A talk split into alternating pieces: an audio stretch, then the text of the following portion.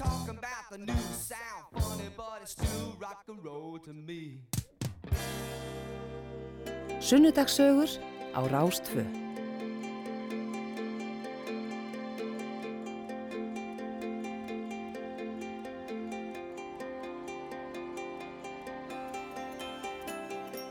Jú, komiði sæl, það eru sunnudagsögurnar sem hefjast hér á Rástfö á sem gullfallega sunnudegi og við heyrðum þarna í ánum Billy Joel með lagið It's Still Rock'n'Roll to Me.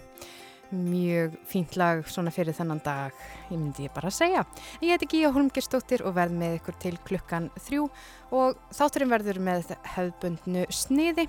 Í fyrir hlutanum fæ ég til minn gerst hingaði hljóðverð á Akureyri og síðan klukkan tvö þá skiptum við yfir á upplýsingafund almannavarna sem að hefst strax að loknum tvö fréttum.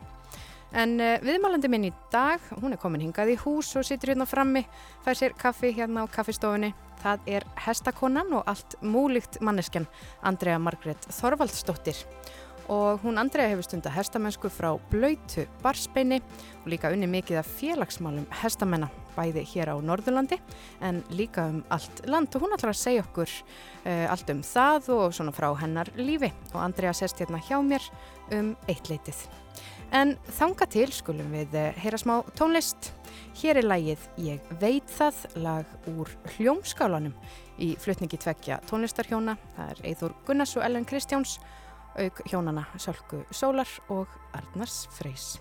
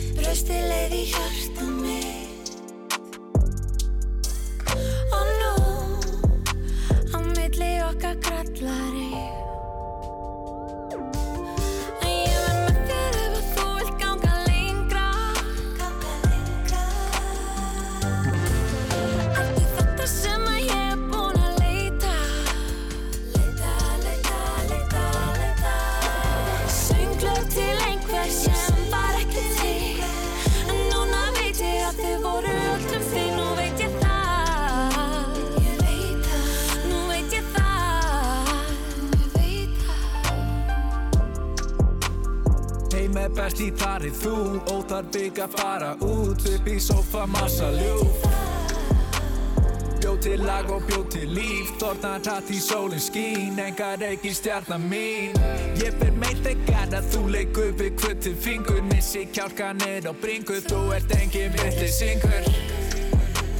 Syngdu lag sem enda rey Sér þig setna hér er fólk og einhver þarf að skemmta þeim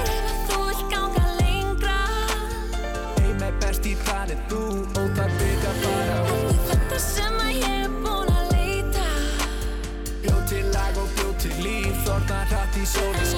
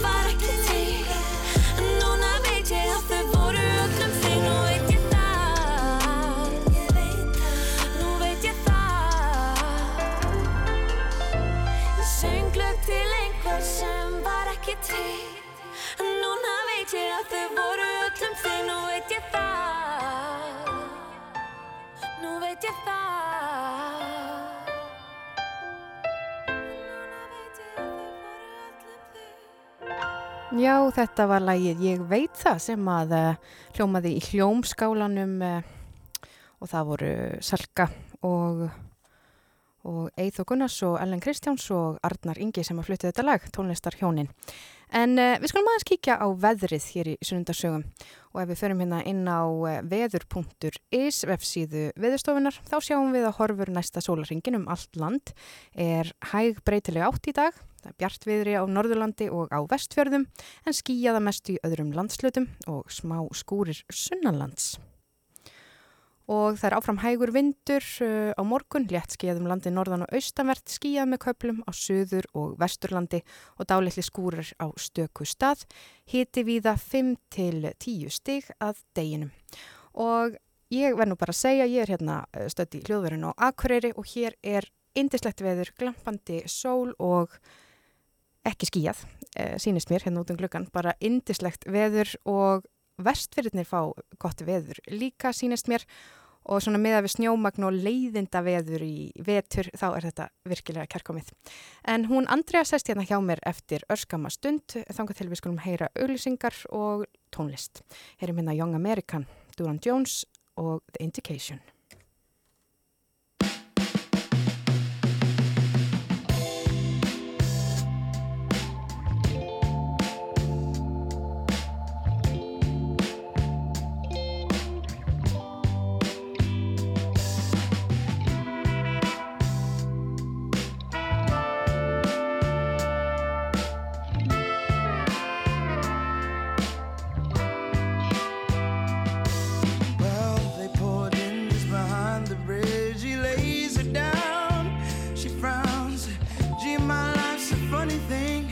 Am I still too young?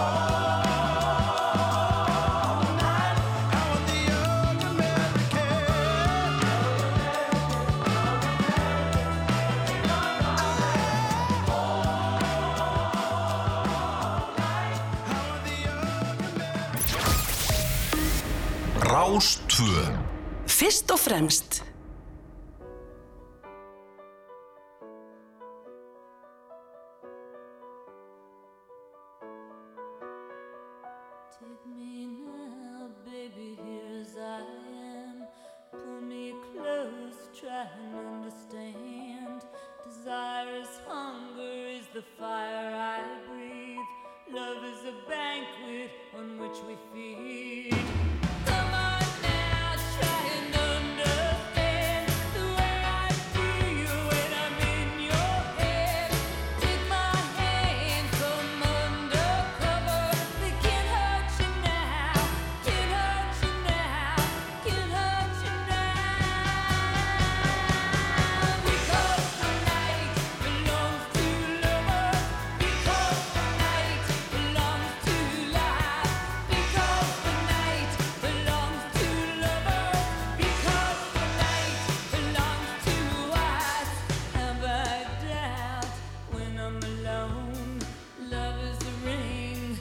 Telephone.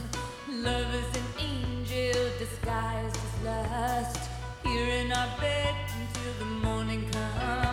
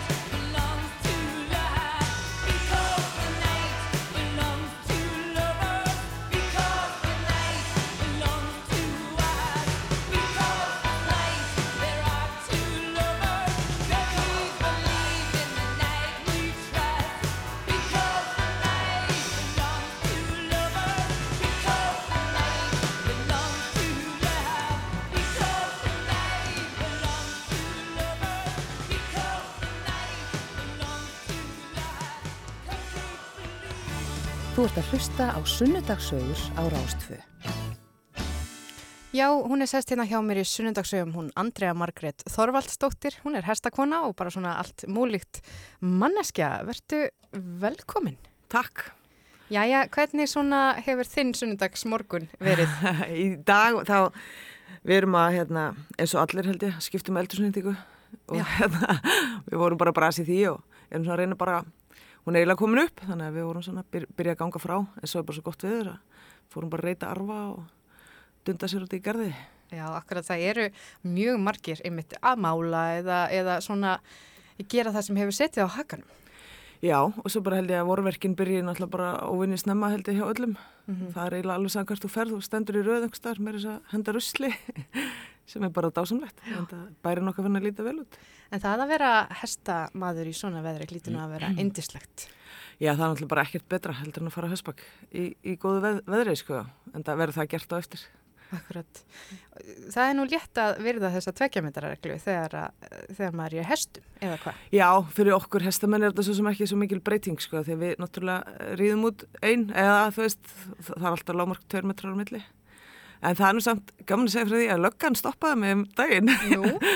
Já, við vorum í, við rekum stundum á kvöldin þegar svona flestir eru hættir rýð út og, og hérna, við vorum, ég var skrifið upp því að það var einhver kon tilkynning um að við værum hérna 40 mann saman á Hesbæki og við vorum reynda bara 14 en við vorum með sennilega 40-50 hross. Mhm. en það var fyndið og skemmtilegt. En það er allt innan eh, leyfilegra marka, hva- hvernig eru í Já, þessu? það var eins með það sko, bara undir 20 held ég að hún hafi sagt við mættum vera. Við vorum 14.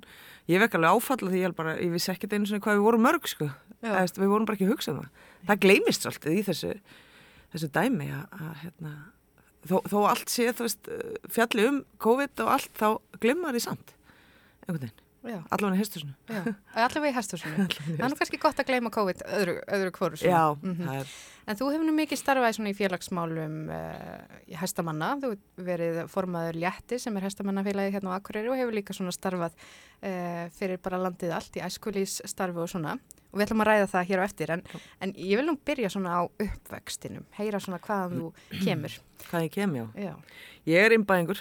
Sérst, akkurýringur og, og er innbæðingur og, og hérna, það þarf alltaf að taka það fram að maður sé innbæðingur. Það er mjög mikilvægt á akkurýri að fólk viti hvaðan úr bænum maður er og, og það var dásamlegt að alast upp í innbænum og svo flytt ég, ég bý í Reykjavík í tvö ár, já. 96-8 en annars hef ég verið hér. Hvernig var allast upp í innbænum? Hvernig voru æsku, æsku árin? Æskárin voru æðisleg og, og ég segi það nú stundum að það er nú merkilegt að innbæðingar hafi komist til mansa því að þetta voru náttúrulega bara þú veist þegar maður hugsa tilbaka það, leikirnir sem við vorum í og, og, og hlutinir sem við gerðum það, það er bara eiginlega ótrúlegt. Við vorum að, til dæmis að á veturnar þá leikum við okkur þá fórum við upp í kirkjugarð og, og hlupum hengjur. Já, já. þá leittust við kannski 5-8 saman bara eh, eftir eitthvað og hlupum hengjurnar og þannig að basically vorum við að búa til snjóflóð. Já, byrju, það er nú mjög bratt þarna, þetta er kirkjugarinn er hérna fyrir ofan innbæinn. Og, og þú veist þú ert þá að tala um snjóhengjurnar sem að, já, já, sem að, sem að sk- skófist svona fram á og þetta hlupum við og, og fórum náttúrulega bara niður með snjóflóðunum og það var geggja gaman. Lendið þið aldrei í hættu í þessu? Huruglega, Já, ekki í minningunni sko. Í minningunni er þetta bara gaman. Það er auðvitað ódrepandi þegar maður er Já, ungur oft. já. Svo fórum við náttúrulega í jakarlöp á podlinum, alvöru jakarlöp Já, já, hvernig virkaði það? Þá, það, bara þegar ísinn byrjaði að brotna þá fórum við bara stukkum á milli ísjaka. Stu, stundum lentum við sjónum það var ekki gott, kalt. En svo í sumrin þá notuðum við bátana hérna við höfnisbryggjuna stukkum á milli þeirra, þá vorum við í svona jakarlöpi á sumrin. Mhm.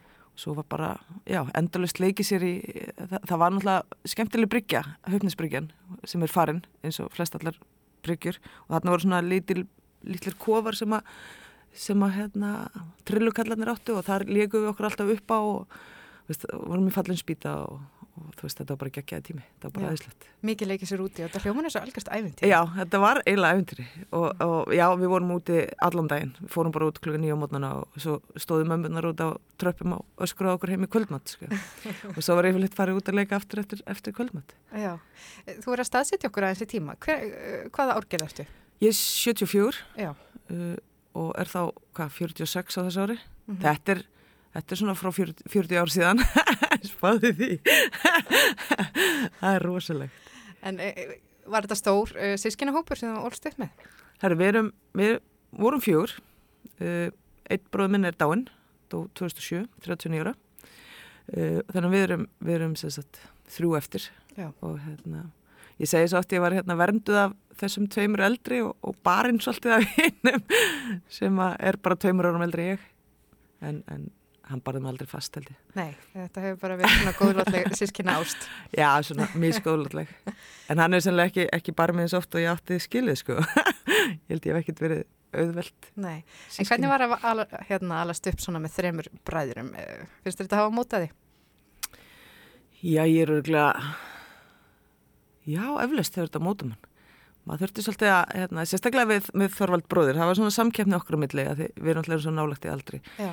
Hinnir eru 66 og 68, þannig þeir eru orðin svolítið stórir þegar ég kem til sögunar. En, en hérna, maður ertu stundum að berjast svolítið fyrir, fyrir sínu, sko. En hvað hérna, hverjir eru fóreldraðinir? Herðu, mamma mín heitir aðalheður og er uh, verkakona, eða var að vinna hérna á verksmiðanum og síðast upp í mentaskóla við restingar og pappi er sjómaður, hefur alltaf verið á sjó þar til, ætla sér ekki árið tíu ár sen að hætta sjó og hann er 72 ára og er enn að vinna, vinnur fyrir Ístak í Reykjavík og kerir heim á föstudöfum og fyrir söður og sunnudöfum, algjör nagli sko Já, já. og hérna, neytir að hætta að vinna Já, já, hann er verður áblega gamall bara ef hann hættir að vinna Já, nákvæmlega. Þannig Þetta, vinnan er svona bara, ég heldur fólki ungu og aktífu. Á, já, já, að gera það Mm En eru þið öll í hestum? Er þið svona Nei, hestafjölskylda? nei, bara ég Já, uh, ég, fæ, ég fæ minn fyrsta hest í fermingugjöf frá mamma og pappa og, og hérna það var þannig að þau bara skuttluðu mér í hestusjóðsjóðleis en nú er það orðið þannig að þau mamma og pappi sko eru alveg að kafi í þessu með mér en þau fara ekki á bak. Já, já. mamma reyði aðeins út með mér fyrir kannski svona 20 ára síðan. Þá hérna reyðum við út saman. Uh, en ekkit, ekkit í dag sko. En þau, þau sjá um hestana fyrir mig á mótnana þau fara alltaf mamma kemur og, eða pappi þegar pappi er heima þá koma þau að sækja hundin minn á mótnana og fara með hann upp í hesthús og þau móku gefa Já, já. og svo passaðu hundin þannig að ég er búin að vinna En varstu eitthvað í hestamennskunni þarna áður en þú fegst þinn fyrsta hest uh, í fermingagjöf? ég er sko, ég var alltaf í sveit hjá sýsti pappa Signíu á skáldstöðum og Ormunni Já. og þar þau kaupa hest fyrir okkur Arnar frenda minn sem að er tveimur árum yngri ég þau kaupa hand okkur eða sitt hvern hestin þá er ég örgulega kannski svona tíu, tíu ára okkur leys en annars var það hérna Biggi Ott heitin í gilinu sem að leiði mér að koma á hestbakk með sér og hérna dúla mér við hestana upp í, upp í gili. Já, já. Náttúrulega imbanum, eh, það, það er sérst lækjagili, það er sérst e, gammal hluti af imbanum og þar voru fjárus og hesthús, alveg þar til fyrir svona, til síðustu húsin hafa ekki farið fyrir bara tíu árum síðan, eitthvað svo leiðis. Og það var, Þannig að sko dýrahald var mjög nálægt uh, bara heimilinu. Já. Skeppnur og, og já, var ég hann með kindur og hesta eða? já, hann var með kindur og hesta og, og það voru alltaf, alltaf kindur í gilinu og þú veist, og söðburður og þetta er bara, þetta var svo æðislegt, sko, þú veist, við þurftum ekki að fara neitt til að vera bara koni í sveitina. Og svo var líka, það voru líka hestar í Littlagarði sem er hérna við flugvöllin. Þar var ég með minn fyrsta hest árið sér fermdist. Þá leigði ég þar hjá Kalla í Littlagarði. Það var líka aðeinslegt. Mhm. Það var, þetta, já, þetta var, manstu eftir svona eftirminnilegri uh, hestaferði eða þegar þú fórst á bak þegar þú varst lítil? Hvernig svona, já, það var eiginlega það, það sem að, hérna, þá var ég á yllugastöðum. Við vorum á, hérna, allir sé ekki svona 6 ára.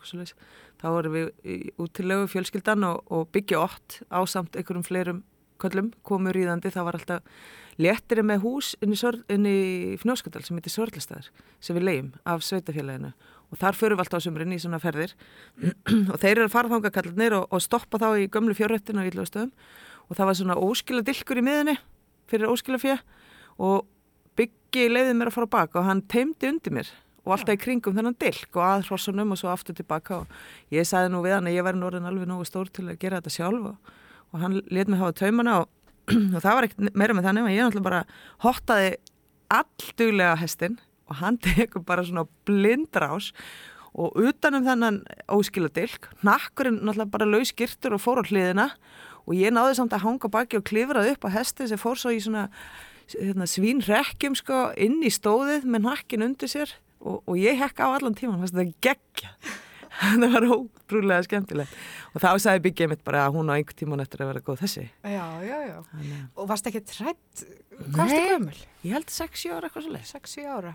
Og þú sem sagt nakkurinn er komin undir hestin Já. og þú ert hvar? bara upp á hestina Já, þú, þú nærði að halda Já, það upp á. fyrst svona aðeins Já. á hliðinni hekki Já. eitthvað en ná, náði bara að klifra á bak og þetta var geggjað stóðið alveg út um allt og að þetta var alveg ævintýri Þannig að þú vildi bara fara strax á bak eftir. eftir Já, ég vildi ekkit endilega hætta sko ég hefði farið með þeim ef ég hefði mátt það kvöldunum En uh, áttur ykkur önnur áhugamál heldur en uh, hestamennskona? Hvernig svona, hvað varst að sýsla við annað sem uh, barn og úlingur? Ég var bara alltaf í sveitinni. Vildi eiginlega hverki annars þar vera enn í sveitinni. Og, og ætlaði alltaf að búa í sveit. En það er bara ekki Nei, og hérna uh, já, ég, ég held það, ég held ég ekki verið bara hvað svo sem neitt annað. En hvað svona, þú ert úr innbænum og hvernig, í hvað skóla fer maður þá? Herði, ég byrjaði í bandaskólanum og fer svo þaðan í gaggan Mm og, og útskrifast á gagganum. Uh, ætlaði svo alltaf í nám meira en var ekki búin að ákvæða hvað ég ætlaði að gera þannig að ég ákvæða að taka mig frí og fór að vinna bara í fiski eins og maður gerði á þessum árum. Svo verði ég ófrisk 17 ára og ástráki minn 18 ára og það svona setti smá að tafði þetta aðeins og ég endaði svo að ég fór 95 þá fór ég í skrifstofskóla hjá stjórnunafélaginu Nýherja og lærði eitthvað svona skrifstofu dótt. Já, já. Og var sá skóli hér á Já, Akureyri? hann var hérna á Akureyri og, og ég var í kvöldskóla, vann í ígulkera vinslu á daginn hjá, hjá Gunnar Blöndal, það var líka geggja gaman. Já, hvernig, hérna. hérna. hvernig var þar? Það, Ígul kera vinn.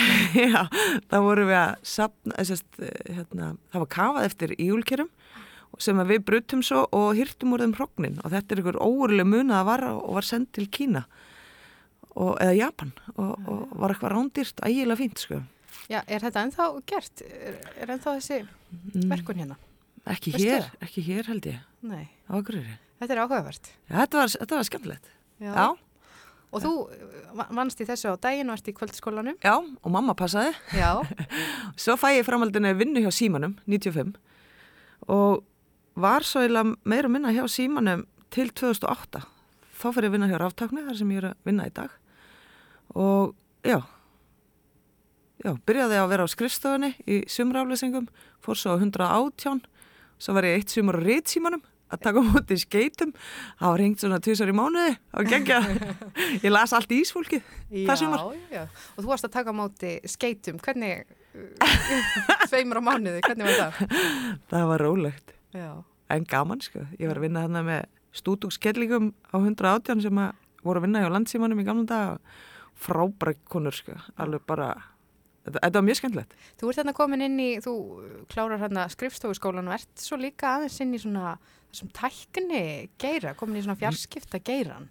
Já. Naustu þín þar? Já. Fannstu þig? Já, ég hérna, ég byrjaði svona þjónustum einn hjá símanum og var hérna, fer, eins og ég segi, 96 til Reykjavíkur og þar op, sérst, var ég eina af þeim sem að voru að vinna fyrst í 807.000 þegar við byrjuðum þá hérna, voru við bara 5 og, og hérna, þegar ég fór tveimur án setna voru held ég hann 35 og svo stækkaði þetta bara ennþá meira og er alveg eh, náttúrulega bara einstæðista deildin innan símans. En ég kem norður sérst, til að skilja að post og síma hér og opna nýja símabúð sem við gerðum inn í Hafnaströyti og þar var ég vestlunustjóri, var svo innheimtustjóri. Og svo hætti ég hjá símanum í eitt ár held ég uh, og fór að vinna hjá Tölvþjónustu Austurlands svo kem ég tilbaka og þá byrjaði ég á símstöðinni. Þess að þá, þá byrjaði ég tæknum einn Mm sá þá en línubókald fyrir hérna, síman og sem breytist svo í mílu. Já, já. og var þá í þessu ljósnetsverkefni sem að varð til þegar sími var seldur Já, og ljósnetsverkefni, það var að, að, að uh, setja ljósnet á alla, um allar koppagrundir. Já, það, það byrjaði í sveitunum að, ljós, að ljóslegar væða bæina, uh, sveitubæina og svo er þetta, sagt, það átti náttúrulega að setja ljóslegar inn í öll hús en svo þar þurfti þess ekki. Þannig að núna er sérst komið ljóslegar í götuskápana og þar er sérst búið að færa ADSL búnaðin sem er í símstöðinni í skápana sem heitir VAFTSL og þá er deila bara komin á ljósraða þó þessi kopar intíðin Mhm. þetta ljóslegar er kannski alltaf bestur en, en fyrir svona eðlilegt fólk þá er þetta alveg yfir nú. Og, þa- og þetta þetta er það sem við vorum að vinna við. Og svo eiginlega svona þegar því verkefni er ljúka þannig er ég sest, já, svo var það 2008 þá sest, eh, var ég að vinna hjá Mílu. Og Míla leggur niður starfstöðuna sína út á landi. Og þá fyrir ég að vinna hjá ráftákni en fyrir Mílu raun, í raun sko. Og þar, þar var ég með þetta ljósnætsverkefni svo fyrir að hæja á því og þá fyrir mér að vanta verkefni. Og á þeim tíma þá fara hérna tvær tveir tækniteknar hjá ráftákni í fæðingarólof og þá vantaði tækniteknara til að teikna hérna bruna hérna loftræsti kerfi upp á bruna lo, lo, loftvarnir upp, í, upp á sjúkrási sem við þurftum að skila á 23. desember þannig að ég þurfti bara að gera það og læra það og þannig að við googluðum okkur í gegnum það ég og, og maður sem heitir Örn og vinnum með mér, algjör ofurheili þannig að við hérna stötuðum okkur í gegnum AutoCAD Electrical með aðstóð YouTube og Google Það hljómar eins og þú sért mjög úrraðagóð og lætur ekkert stoppa þig. Nei, maður lætur ekki stoppa sig það, það, og í dag er það bara ekkit hægt að láta stoppa sig því það er allt á netinu þú getur lært allt á netinu Akkurat. En til, hérna, fyrir maður tilbaka, þú ert þarna búin að klára uh, gagfræðiskólan, uh, ert orðin ungmóðir, Já. 18 ára eignaðistu. Hva, en hvað svona það breytti aðeins eh, kannski draumum þínum. Hvað, hvað langaði þið til þess að gera þá? Já, þegar ég var hérna, þegar ég varð ólétt, þá var ég búin að ráða mig í vinnu á Benidorm á, á diskobar. þá ætlaði ég að verða barþjóðn á Spáni Já, já, já. og ætlaði að lifa einhverju svona, hérna, einhverju svona bóheimlífi eða svona. Ætla, ég ætlaði ekki að búa í Íslandi. Þú varst með svona útþrá. Já, ég var með svona, já, einhver út sem, að svona, er þversögn við það að ég ætlaði að verða bóndi. Fyrst að það klikkaði þá ætlaði ég bara að fara allavega í hinn áttuna held ég. Og hérna, ég hafði kynst hérna, ári áður uh, strák á Spáni sem að heitir Jackie, var breskur og hann var nú eitthvað eldri en ég og, og hérna, hann lifði svona lífi, hann ferðast bara mellir landa og, og vann og var kannski bara þrjá til sex, átta mánuði í hverju landi, safnaði þessi pening til að fara eitthvað annað og var svona að kynnast bara menningu í landana og var mikið í þessum, hérna, þessum pöppabransa og hérna, mér fannst þetta geggja heillandi. Þetta var í lífið maður. Að því, já, mér langaði svo að heimsækja öll löndin í heiminum sem ég veit ekki hvort það sé gerlegt en hérna, en hérna þetta var svona ein leið til þess Já. Svo var ég bara úlétt og, var bara heima sem að hérna, var líka dásamlegt og ég fekk að vera barþjóðn og vann á kaffi Akureyri og kefti í barþjónakeppnum og lærði að hérna, flera eins og það heitir hérna. Flera, hvað er það? það er að kasta flöskum og grípar eins og myndinu hérna kokteil með Tom Cruise Já, já, og svona kastaði mér hring og, já og grípaði og brjótaði og svona.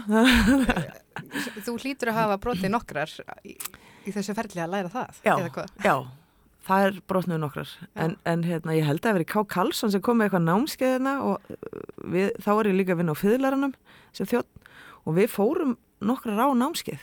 Og, og ég gleym ekki, hann gaf okkur þessi námskeiðinu fylgdi svona bólsflaska úr tré sem er svona eins og ein full vínflaska.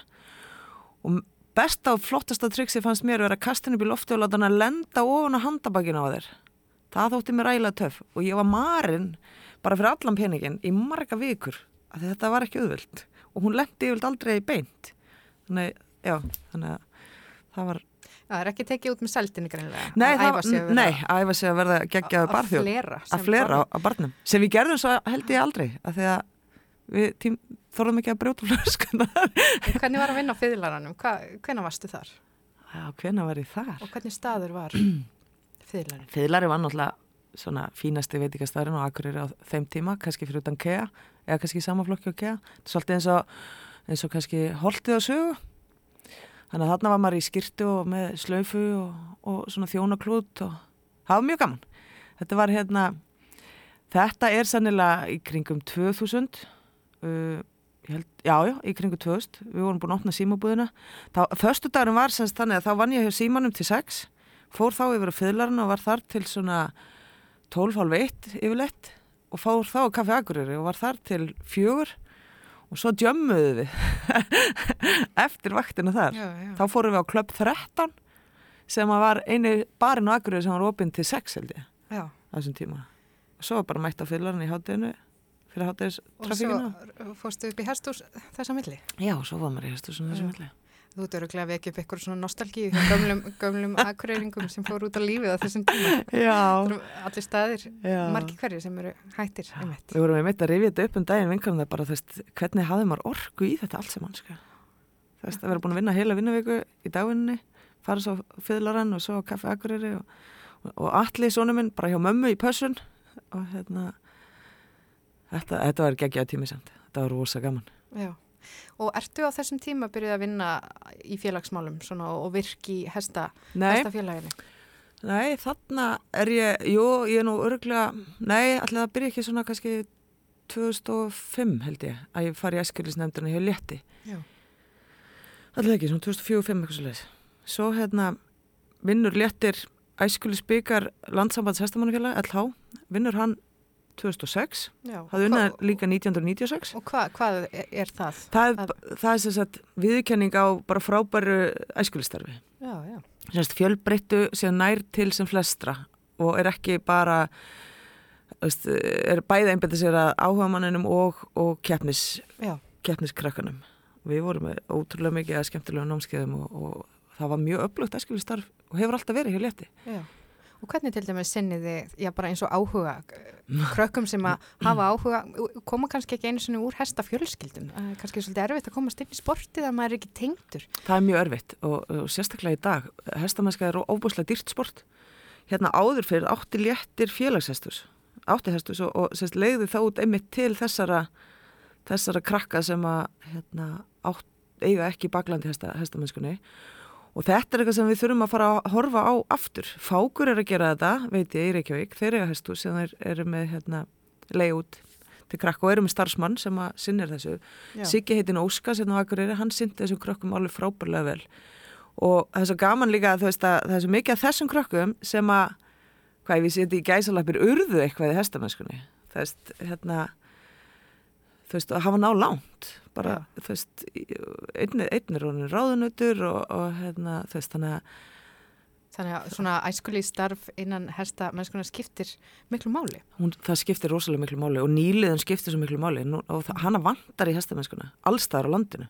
Og eins og þú segir, þú veist, þú þarft eiginlega einhvern til að geta farið til að byrja. Því, e, þú veist, þú, þú það er engin, ekkert fóreldri held ég sem að á bad sem hefur áhuga sem fer bara og kaupir hest og, og, og nakku beisli og fer svo og, og leigir einhversta plás af því þetta er ógíslega dýrt. Með góður hestur kostar ekki undir, undir 300 skalli held ég. Og nakkur eitthvað svipað. Veist, auðvitað kemst alveg af með eitthvað útýrara en, en þetta er mjög dýrt og, og svo situr uppi með þetta ef að krakkin hefur svo ekki áhuga. Akkurat. þess vegna var líka þetta þessi félagshestus voru svo frábær flestir geta fengið lánaða hesta.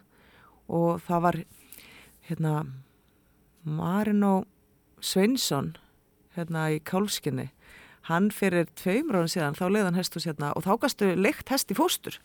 Þá gastu bara, hann reddaði þér hesti og öllu og þú borgaði bara einhverja upphæðamánu og þá var, bara hafðir þú afnótað sem hesti allan tíman og, og þú veist og þú komst bara á fórsta hestböku. Þetta var alveg frábært og, og, og mæltist vel og allavega ein kona veit ég og dóttur hennar, þær eru komnar í hestamennskunum búin að kaupa sér og, og, og hesta og, og eru bara að ríða út á fullu og þær hefðu öruglega ekki gert þetta ef þær hefðu ekki geta leikt sér svona hest í smá tíma til að vita hvort þetta væri akkurat mm -hmm. það sem þær vildu fara út í veist, það, það er gott að geta að pröfa það Einmitt.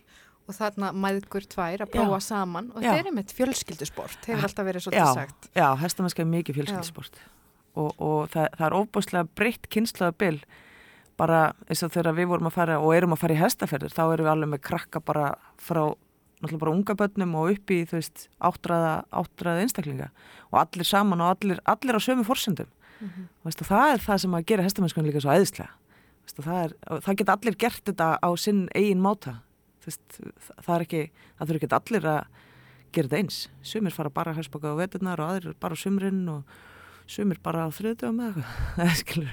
Já, ymsa leiði sem hægt er að fara í þessu. Já. En við ætlum að uh, heyra líka aðeins nánar um svona þí, þín félagsstörf innan hestamennskunar hérna í setni hluta þáttarins.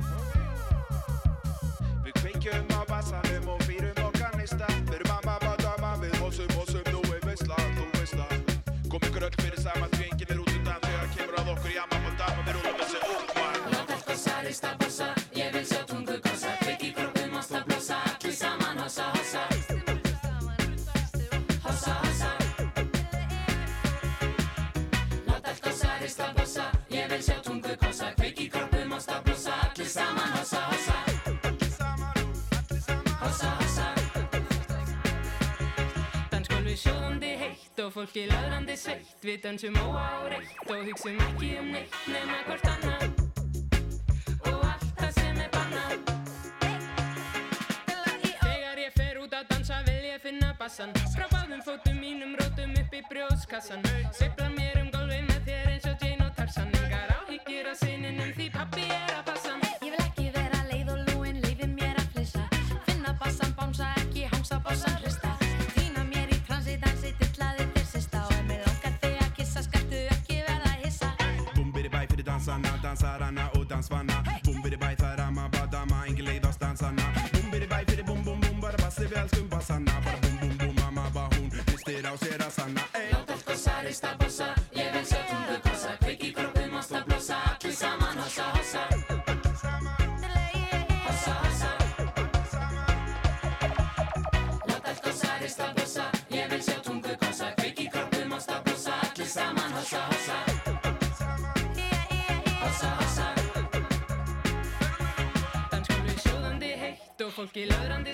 Við dansum óa og hugsum ekki um neitt nema hvort annað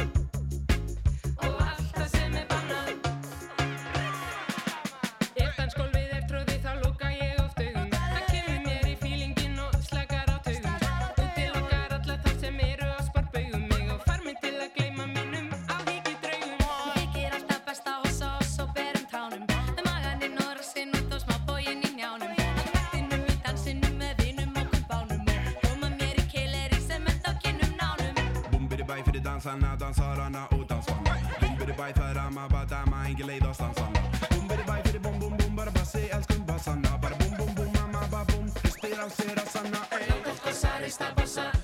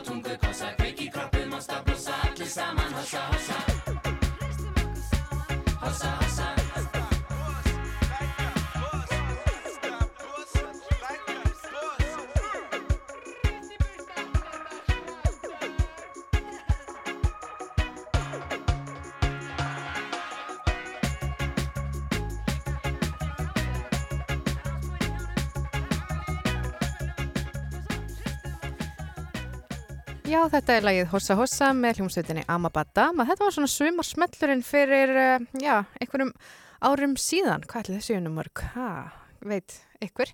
En það er hún Andrea Margaret Þorvaldsdóttir sem að situr hérna hjá mér í sunnudagssögum. Hún er búin að fara svona yfir uh, hvað hún hefur verið að bardúsa í lífinu, saði frá æskunni í innbænum og já, svona hvernig hún leittist út í hestamennskuna. Og já, hestamennskan hefur nú bara verið stór hluti á þínu lífi. Já, mjög stór, alltaf.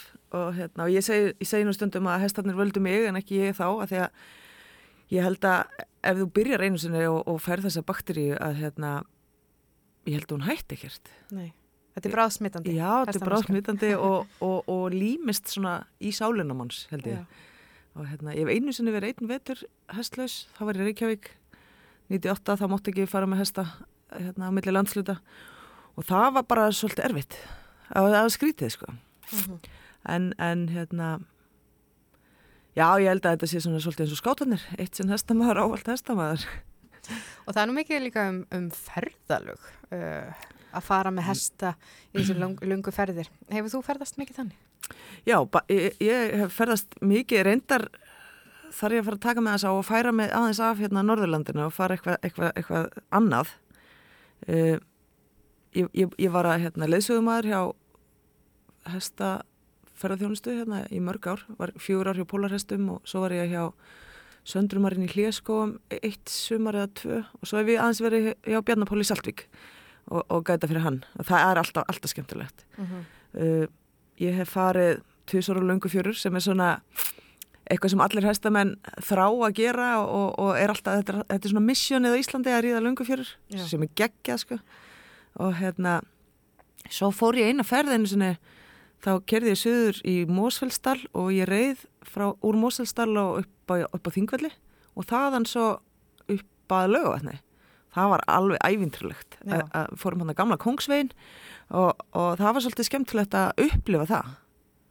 Og, og, og eins og eins og segi skiptum umhverfi Heimei, það er nú komin á Suðurlandið. og já, það er ég konið Suðurlandi Já, og fara gegnum þarna þingvelli, það hlýtur að vera æfintýr. Já, það var rosa, rosa fallegt og, og, og hérna dásamlegt og, og svona pínu hættulegt, þetta er náttúrulega sprungusvæði og, og, og mikið hraun og þetta er svolítið eins og upp, upp við Mývatn og í Laxadalum þar sem að maður svona maður er algjöru náttúru flippi sko, á- og, og svona, samt svona pínu hrættur því að maður veit ekki hvort að jörðin gefi sig undan manni eða hrossin dettun í einhverja skurði eða, eða gjótur. Hvað einkennir góðan ferðahest? Það, góður ferðahestur þarf að vera mjúkur, uh, helst höld gengur og, og hann þarf að vera viljur hann þarf að vera svolítið, hafa gaman að þessu sjálfur Já. og, og vera vinnusamur. Það er ekkert leðra heldur en að vera á lötum hesti í, ferðarlegi sem nennir þessu enga veginn og, og kannski brokkar bara með allan daginn. Það er, Það hljómar ekki það. það hljómar ekki þeil. Hva- Hvað er maður yfirleitt lengi í naknum svona þegar það er verið að ferðast? Við erum kannski alveg svona upp í 7 tíma, 8 tíma dag í nagnum. Fyrir utan pásur sko. Já. Við, já, alveg leikandi sko. Og hvað svona, í hvernig aðstæð, eða hvernig er að ferðast á hestbaki og, og njóta náttúrunnar á hestbaki? Svona, já, mér er eitthvað annað. Mínum að þetta er bara ein, eina leiðin til að ferðast sko. Uh, og þú ert náttúrulega ekkert nær náttúrunni heldur en þetta nema að þú veist þá gangandi skilur. Uh, og e, þó að þessi vond veður þá verður bara klæðið betur. Þú, veist, þú, þú hættir ekki þetta í ferðinni eða það rignir. Ég til dæs gætaði eina ferð út í fjörður einu sinni og, og við sáum aldrei neitt fyrir þóku og rigningu og ég sagði við þau eru bara að koma aftur til að geta séð hvað er fallegt þarna og það var alveg, eh, sko, í sex daga reyðum við bara í þóku og rigningu Mm. og það var alveg sérmærandi líka og það var eins gott að maður sé rati leiðina. Já, segðu. Já. En þú nú mikið starfað að félagsmálum og, og þú talaði ráðan í fyrir hlutanum um, um að þú varst, uh, byrjaði svona í æskulisstarfinu hjá, Já. hjá uh, Herstamannafélaginu Létti hérna Já. á Akureyri. Já. En síðan verður nú, formaður þess félags. Já, ég verði formaður léttis held ég 2009 hún var formaður í fimm ár fyrst fjögur ár og svo tók ég við setna aftur í eitt ár. Og svo var ég í stjórn landsambands líka í tíu ár og starfaði eskulisnefnd þar sem var alveg æðislegt.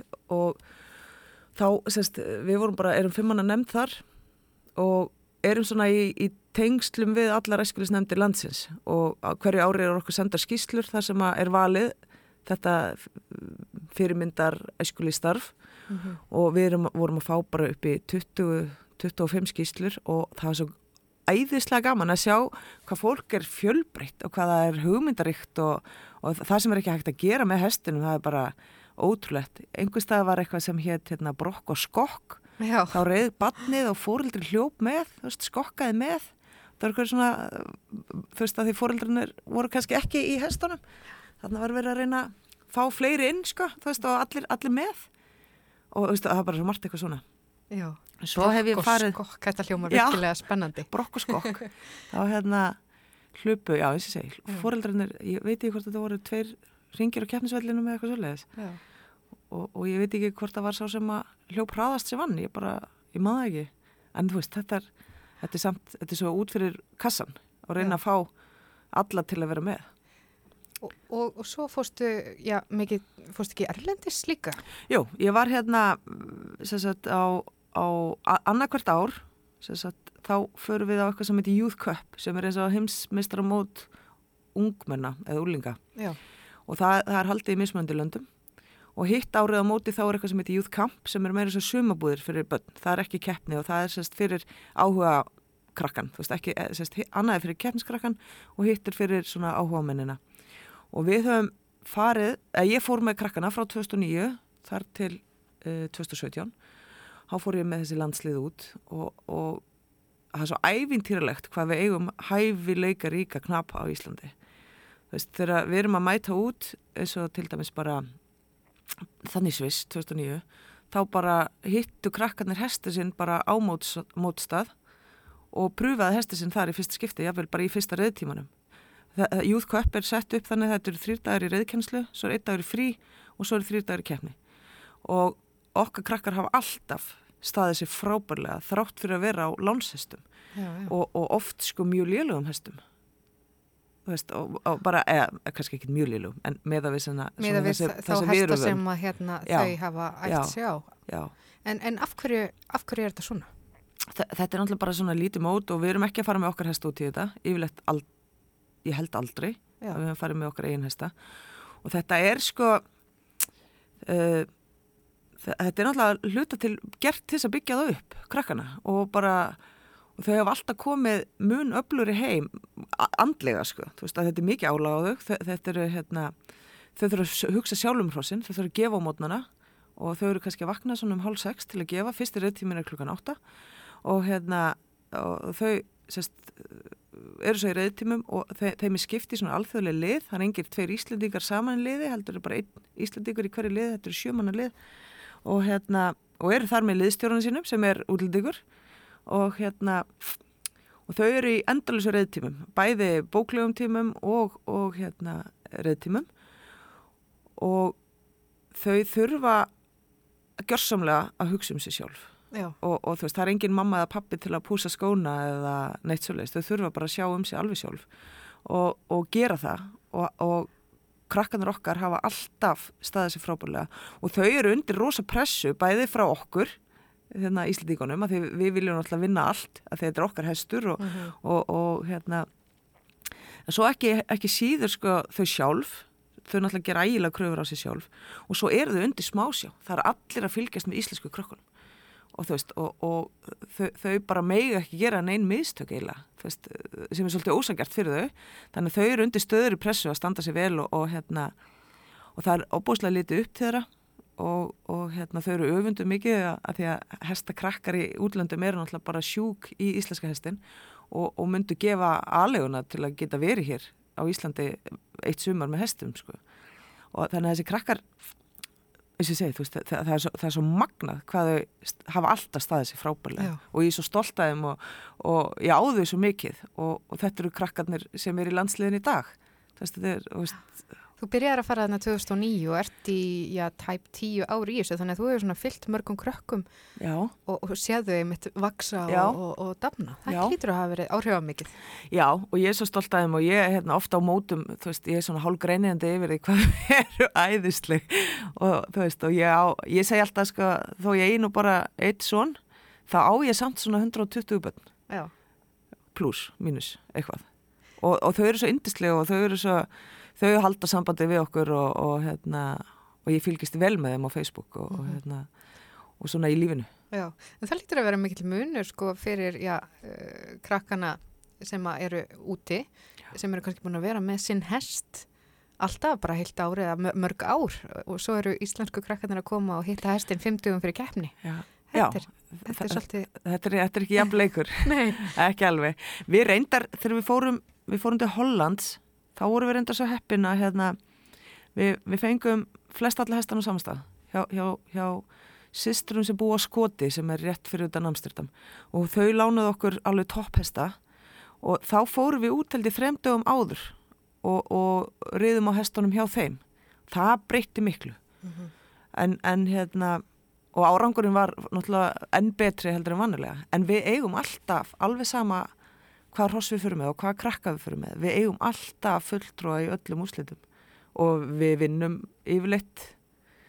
Mjög oft vinnum við töltið. Við erum búin að vinna töltið í mörg mörg ár bæði á, hjá úlingunum og eins á, á heimsleikunum hérna Íslenska hestins fyrir fullorna Jói skúla, náttúrulega bara ósigurandi töltmeistari.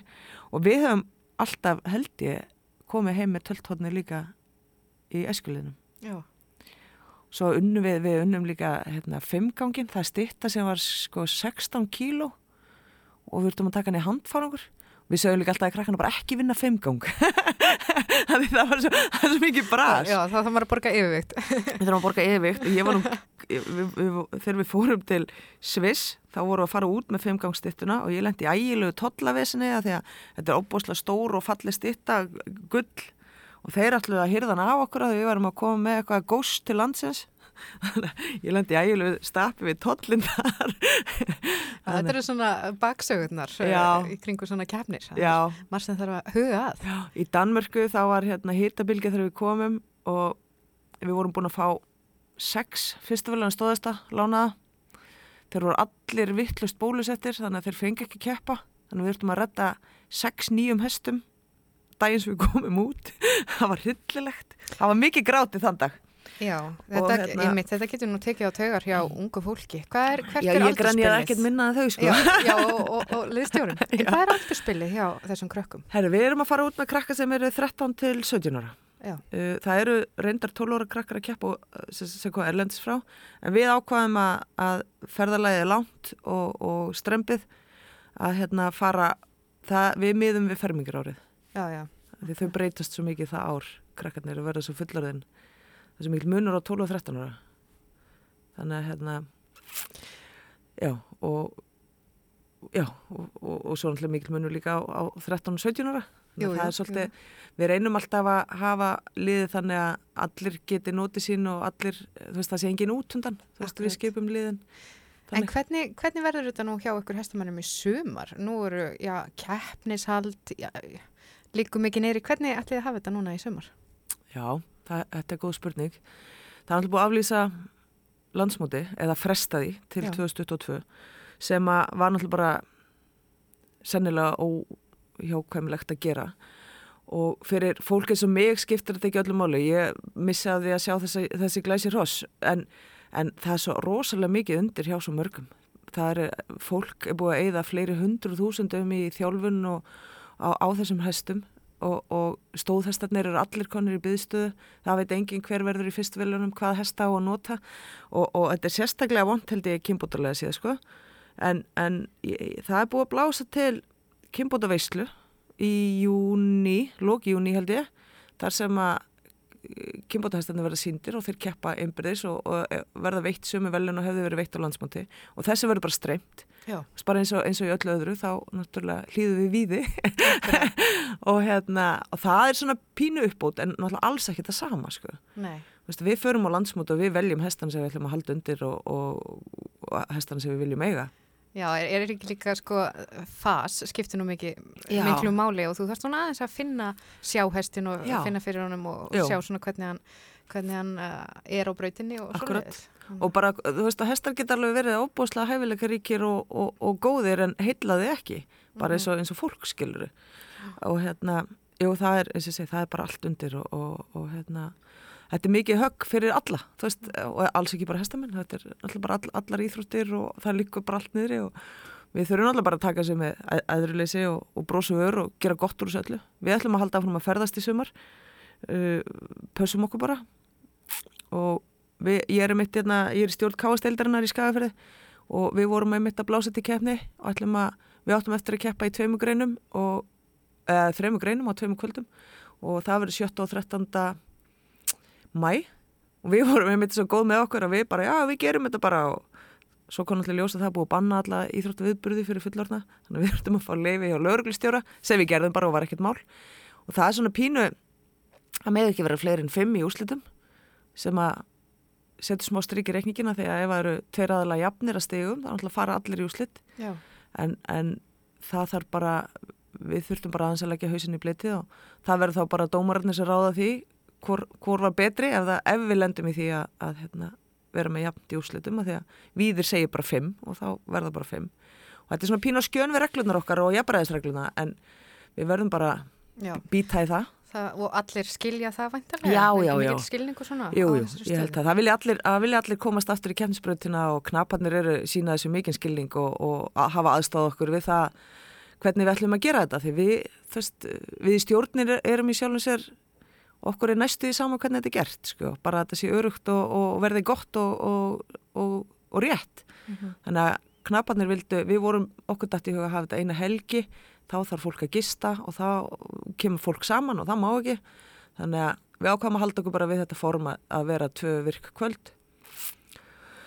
Og, og það var bara að, ósk keppenda að, að ljúka þessu svona. Og, og þannig að þetta er allt unnið í samstarfi og en það eru hestamenn gaman saman fólk Já, hestamenn eru hérna stemmingsfólk Já. upp til hópa, er það ekki? Jú, ég, ég held það við, við erum lífsgluð og, og, hérna, og það er alltaf heldur gaman hjá okkur. Uh, nú er tíminn, hann hleypur alltaf frá okkur og já, hvað ætlað þú að gera í dag, þennan fallega sunnudag? Herði, ég hérna ætla aðeins heima halda áfram kannski í garðinum ef, að- ef að því er ekki öllu lokið og svo ætla ég bara við sjálfsögðu Og hvert ætlar að fara? Herra, allir við rýðum ekki, það er nú ekki hægt að rýða langt. Uh, allir, ég veit ekki, kannski ríði ég bara í norður, Já, ég fer yfirleitt í suður Já. ég far ekki hérna norður í lögmaslið bara og það eru líka frábæra reðilegar og, og hérna, förum hérna ríðandi yfir glera og, og skellum okkur hérna norður fyrir á það, það, var, það er vel tilfendið það hljóma vel. Góður sundagar að fara Já. aðeins ríða í norður. ríðum í norður En uh, já, takk bara fyrir komunar í, komuna í sunnundagssögur. Það er búið að vera Já. notalegt að hafa þig hérna og fara svona yfir þína sög og takk fyrir að, segja okkur frá þínu lífi. Andrea Margrét Þorvaldsdóttir, hestamaður og já, svona allt um múlíkt manneskja, skulum við segja. Mm. Og bara gangiði vel. já, takk og auðu góðan dag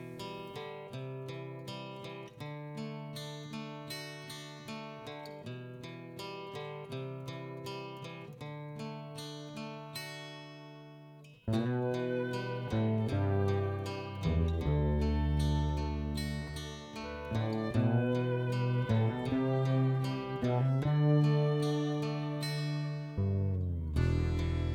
morgun vakna ég snemma. Ég anda að mér vorinu. Ég horf á flauels mjúka skugga sem fagna sólar komunni Ég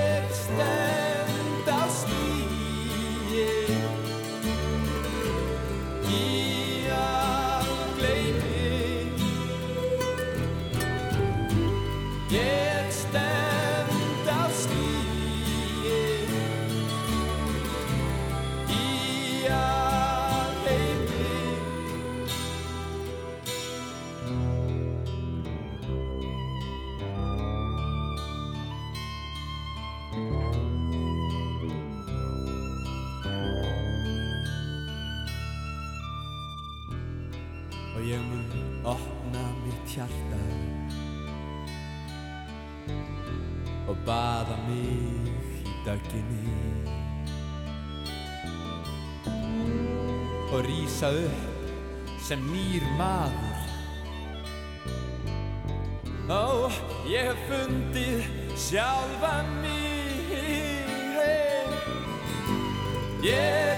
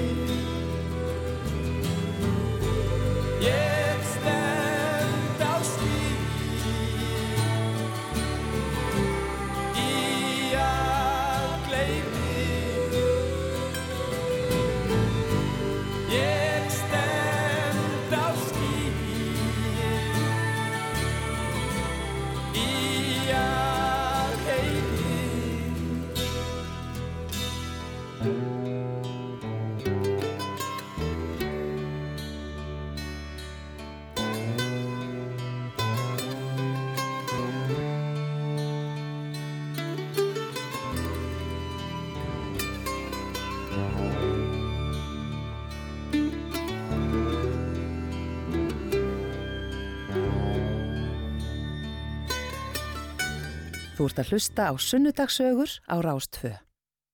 Já, þetta eru sunnundagsögurnar og eh, hún er núna farin út í daginn eh, viðmælandin okkar, hún Andrea Margrét Þorvaldsdóttir, hestakona og svona allt múlíkt manneskja.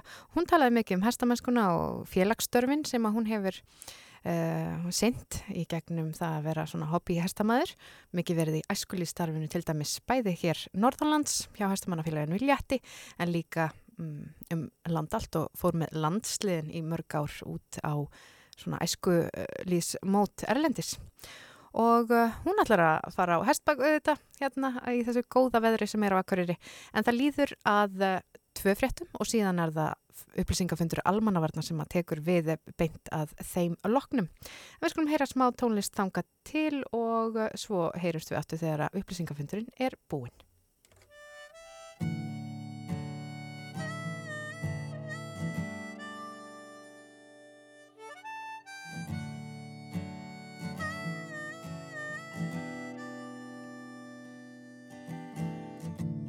Hér er ég ennþá eftir öll þessi ár. Það er rangt sem þeir segja tíminn lækni öll sár. Og ég dreg mín koffort sum harðlókuð en. Mér skilst að sé þannig með langt flesta menn. Og ennþá heyrast ef að sömndirna Það sem verður já og það sem var. Ef þú átt spurn og ég á ekkert svar. Lítu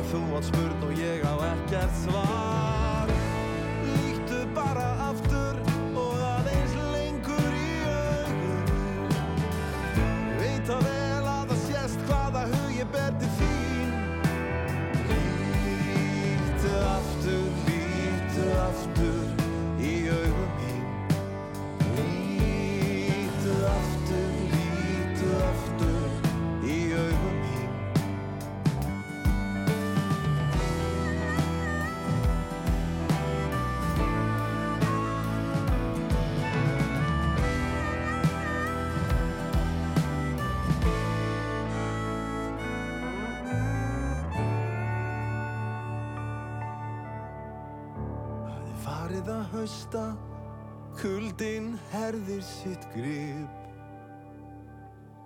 Ég er gladur að sjá þig en ég braut ekki svip.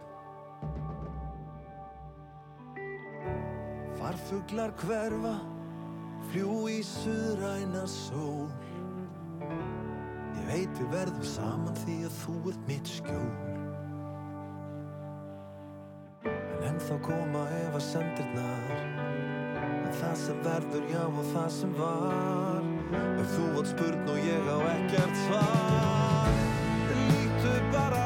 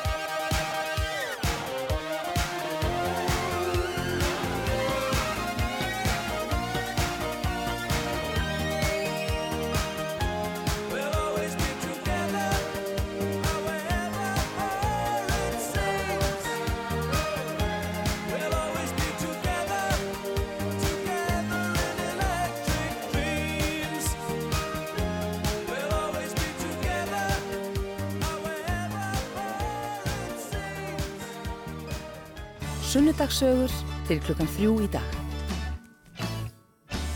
Já, við höldum áfram með sunnudagsögurnar hér á Rástvö og ég heiti Gíja Holmgistóttir og ætla að vera með ykkur til klukkan þrjú, spila notalega tónlist og hafa það svona hugulegt. eh, En eh, já, og þið heyrðu þarna lagið Together in Electric Dreams, lag frá árunni 85 með Phil Oakley og uh, Giorgio, já, hvað heitir hann? Það er auðvitað Giorgio Moroder. Já, lag frá 85, f- fínasta lag. En við vorum auðvitað að hlusta á almanna uh, varna, upplýsingafund almanna varna þar sem við vorum einmitt mynd á að þetta er svona okkar sameigilega verkefni allra samfélagi, alls mannkinn svo við megum ekki gleym okkur á verðinum þegar öllum takmarkunum verður aflétt. Já, það er kannski erfitt svona þegar að veðri er að fara að batna og, allir svona vilja njóta sólarinnar og, og fara út og en þetta eru auðvitað sammeilegt verkefni og við hlýðum víði. En við skulum heyra hérna nýtt með hljómsveitinni Hjaltalín, lagið Needles and Pins.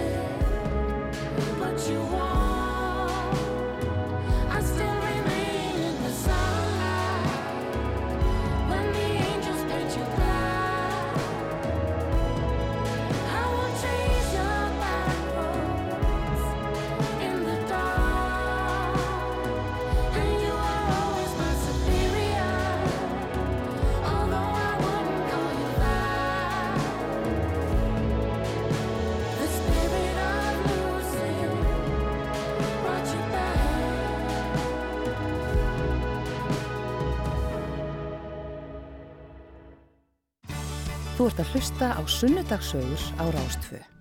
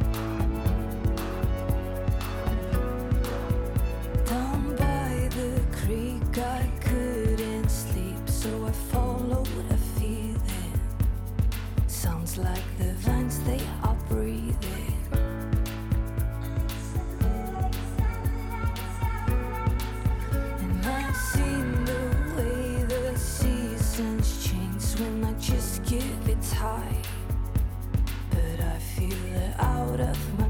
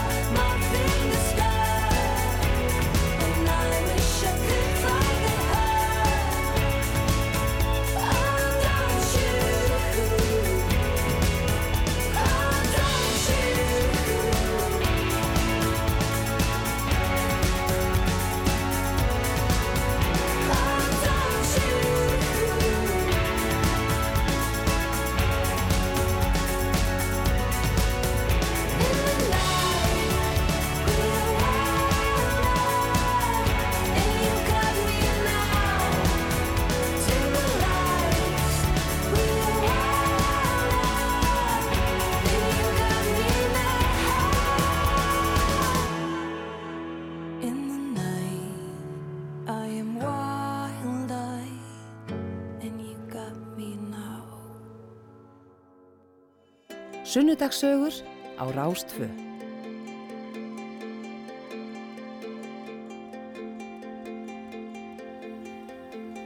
Já, þetta var lagið Wild Roses með uh, Of Monsters and Men. En uh, það er komið að lokum hér í sunnudagssögunum í dag á þessum fallega sunnudegi og ég heiti Gíja Holmgerstóttir, er búin að vera með ykkur frá klukkan uh, já, 12.40 í dag og ég fekk til mín góðan gest hingað í hljóðverið á Akureyri. Það var hún Andrea Margret Þorvaldsdóttir. Hún er hestamaður og svona allt múlit manneskja, hefur starfað mikið í félagsmálum hestamanna, eh, bæði hér Norðalands en líka yfir allt landið, mikið í æskuliðstarfi og hún sagði okkur frá þeim störfum og svona sínu lífi og viðtalið má við þetta finna strax að loknum þætti inn í spilara rúf og þar má við þetta finna fullt af uh, fleiru gómsætu efni til þess að, að stýta sér stundir. En uh, hér á Rástvöð það sem tekur við hér á eftir, það er tímaflakki með Bergsonar og Blöndal sem hefst eftir þrjúfrettir og svo eru þetta Rokklandið á sínum stað upp úr fjögur og í dag hjá honum Óla Palla þá fer mesta púðrið í nýja plötu frá ennsku sveitinni Corner Shop plötunni England is a Garden sem var að koma út og er bara ansið skemmtileg plata en uh, síðan er uh, já verð ég nú að segja ykkur að tímyndur yfir sex er dagskraf þátturinn 2001. öldin sem er virkilega flottur og áhugaverð þáttur í umsjón Orra Freys Rúnarssonar sem ég mæli eindreiði með en uh, það þetta næri ekki lengra hjá okkur í dag. Það er búið að vera notalegt að vera með ykkur og ég verð síðan hérna aftur í næstu viku og fæ til minn ykkur fínan gest sem segir okkur sína sögu. En við skulum klára þetta á læginu bakvið Fossin með Ösp Eldjórn. Hafið það gott og þánga til næst veriði sæl.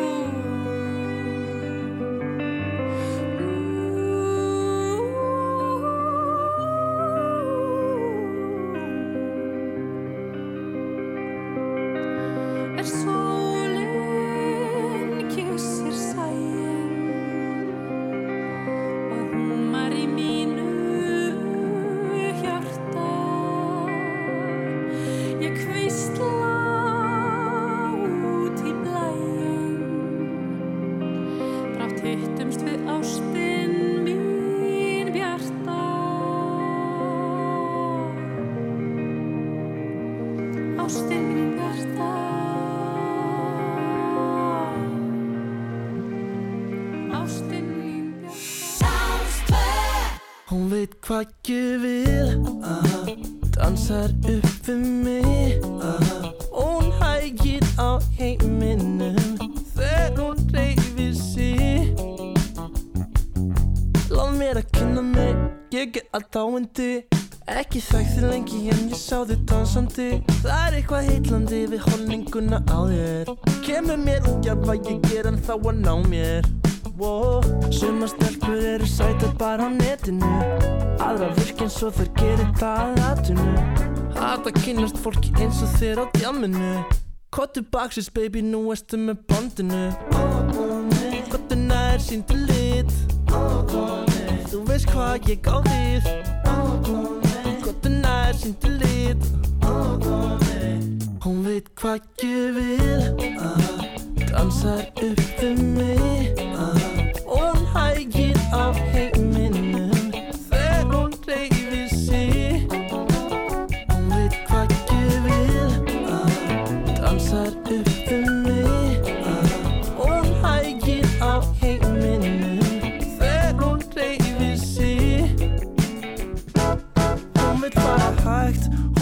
Fara slow-mo Ég sé að hún er góð, góð.